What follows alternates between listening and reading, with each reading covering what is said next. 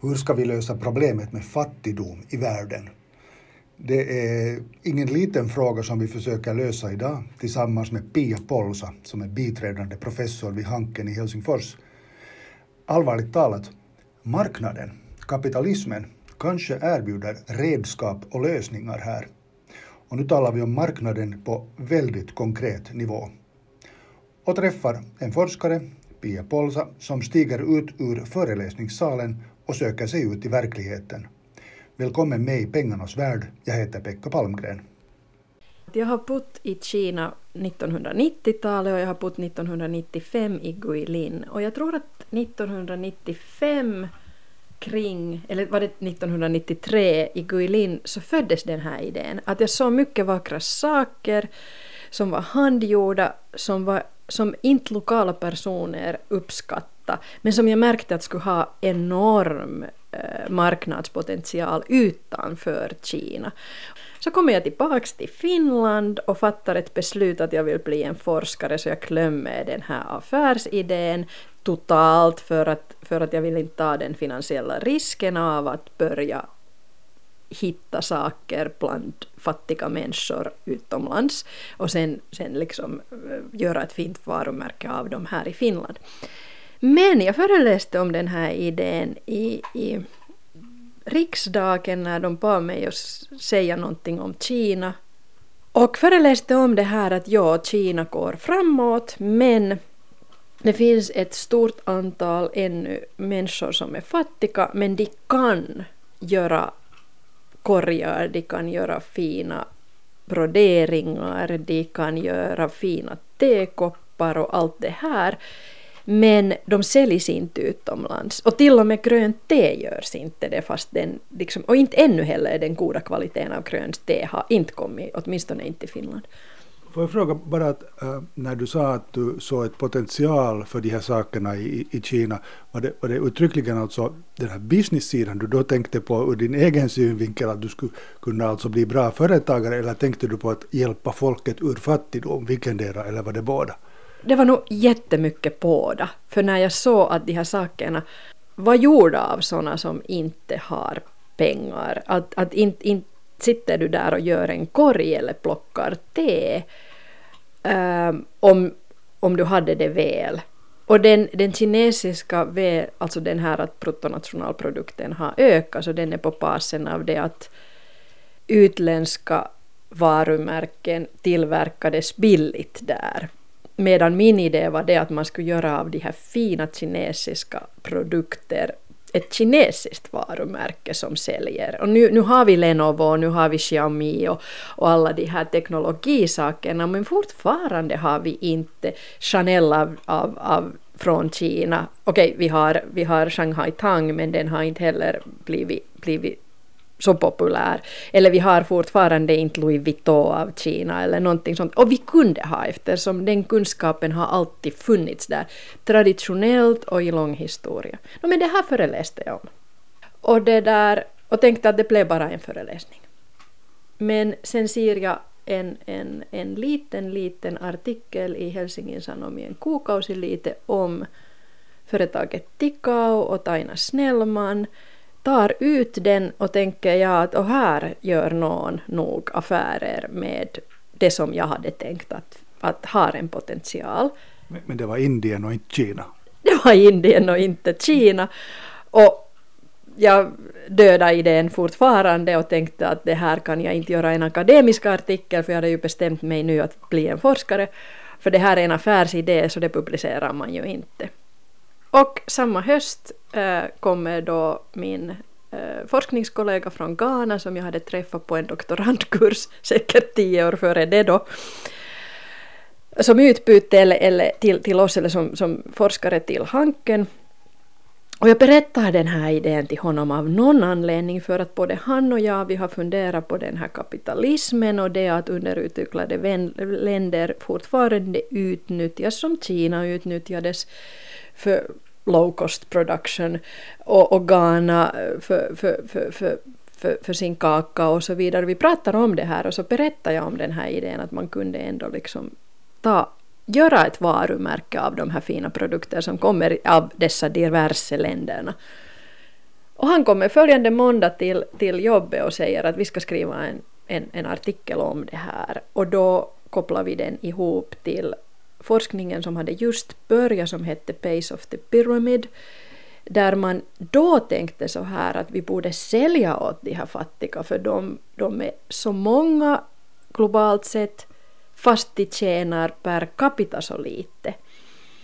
Och jag måste faktiskt säga att 2022 har det kommit just ut en artikel som är en litteraturgenomgång att vi fortfarande för mycket i forskningen um, koncentrerar oss på konsumtionssidan, konsumentsidan av dessa fattiga istället för att fundera på det de kan producera.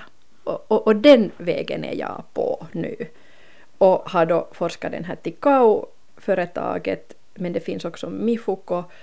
Um, och det där fortfarande tycker att, och på basen av den här akademiska artikeln som har just kommit ut, att det finns en potential till forskning gällande att hjälpa de fattiga genom att köpa från dem och inte bara sälja till dem. Så att kapitalismen räddar de fattiga ändå till slut, kan man säga så? Jag skulle önska att jag skulle kunna säga så och vår artikel heter ju Diffused Capitalism så jag, jag tror... Va, va, vad betyder det, diffused capitalism? Det kanske är vår, i, våra, i vårt eget äh, i eget huvud att vi är inte säkra på att kapitalismen då ändå räddar det för, för det där ändå den här diskrepansen mellan Finland och Ghana eller mellan Finland och Indien och mellan Finland och Kina kanske fortfarande bland de fattiga då där är enorm.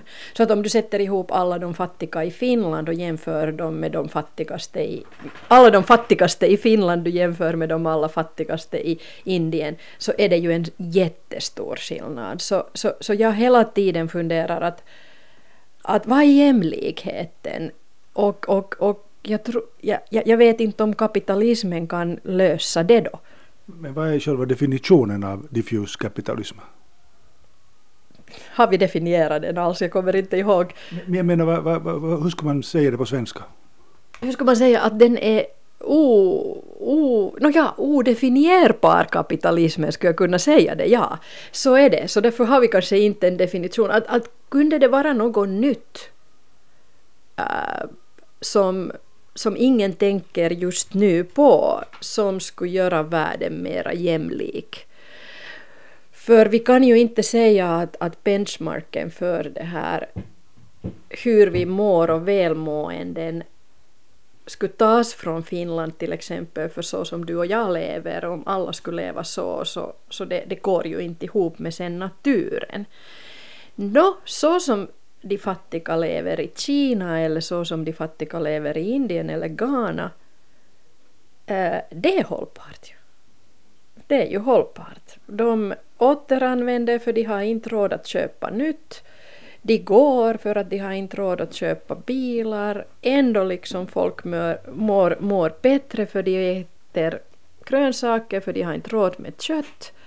Eh, de, de, de går, de, de får mera sån här motion, de behöver inte gå till konditionssalen som använder mera elektricitet och så vidare. Borde vi kanske då ta mall därifrån?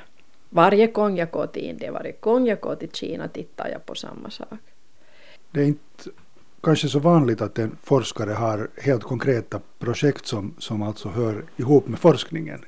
Uh, jag tog sen kontakt med den här grundaren av Tikau, så hon hade grundat sitt företag ungefär samtidigt som jag föreläser om det. om det. Uh, och vi intervjuade henne. Vi har, uh, och sen blev jag själv involverad med med en förening som hon hade då skapat kring den här.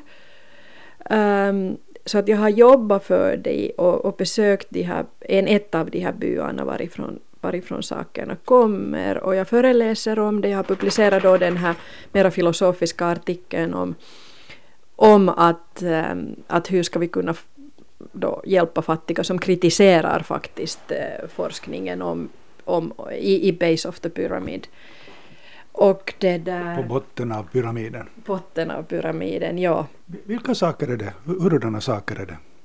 Som alltså tillverkas då i, i, bland, av fattiga av i fattiga Indien? I Indien. Det som Tikau-företaget eh, då tillverkar så är korglampor eh, som egentligen var korgar som de gör ursprungligen och, eh, och den här um, um, Ilkka Suppanen kom på att sätta dem upp och ner och då blev de lampor. Sen finns det mattor som har en traditionell sätt att tillverka dem som, som enligt då ägaren Taina eh, de här tillverkarna tyckte att det finns inga marknader för de är gammalmodiga och de inte säljer i Indien och de säljer fortfarande här i Finland efter då över tio år när hon började. Och den här tillverkarens son har då återvänt från att vara en, en, en arbetare i, var det i Calcutta tillbaks till sin egen by eh, och hjälpa pappa att göra dessa mattor för att marknaderna är här.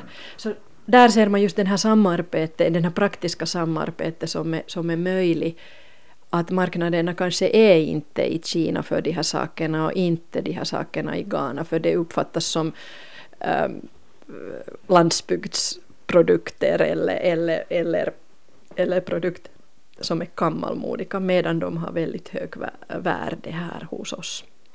Så de saker som hade traditionellt tillverkats på landsbygden i Indien så var plötsligt intressanta på den finländska marknaden? Definitivt så, och inte bara på den finländska marknaden utan utan också i USA och i Europa och kanske ännu mera därefter som, som har lite kanske för mycket färger även om man försöker granska bort färgerna eh, så, så, så säljer de mera kanske då till och med i Europa. Och var det alltså så att du med din Hanken-bakgrund och din marknadsföringsbakgrund, eh, alltså som forskare, kunde hjälpa indierna med att eh, berätta hur man skulle kunna sälja dem? Det, jag jag funderar på det här. Jag tror att jag har teoretiskt tänkt på det där. Det är nog liksom företaget som, som det där säljer. Men jag har kunnat hjälpa på många annat sätt. Till exempel då när det blev jättepopulärt att göra de här mikrofinansieringar. Han som fick Nobelpriset också för den här idén. Så vår lilla by var också jätteivrig av att ta mikrolån. Och då hade jag en doktorand som, som skrev om det kritiskt och sa att fattiga kan också spara och hon kunde bevisa med, med sin forskning att de hade sparat i, i var det nu Kenya eller Etiopien, jag kommer inte ihåg vilken där, för bostäder. Och då den byn som vi jobbar med började också spara och det har varit mycket bättre än det att diskutera lån, för många använder mikrolån uh, för att betala en annan mikrolån. Så då, blir de, då blir de fast i, i, i, i, i lån, som vi blir också. Så, att, så där tycker jag inte att kapitalismen är bra. Alltså det är helt mallen av det att vi har våra vissa kort hela tiden i toppen eller att vi tar lån för, för det här. Lån är bra om den är produktiv, det menar jag inte. Men i det här fallet skulle det inte ha varit. Så där kunde jag liksom med hjälp av, av min doktorand publikation och en annan kollega som, som hade också en kriti, eller hade hittat en kritisk, kritisk artikel. Så att de går, de går, forskningen och det praktiska går hand i hand och någon gång det praktiska kommer före och någon gång forskningen kommer före och, och jag där mellan de två kan de förmedla det. Jag hade inte kommit ihåg det här. Eh, utan jag också höll på med den där retoriken att jag är för teoretisk. Men, men de här som jobbar i den här föreningen så de pekar på att ja, vi kommer ihåg att du sa om det och vi ändrar, ändrade.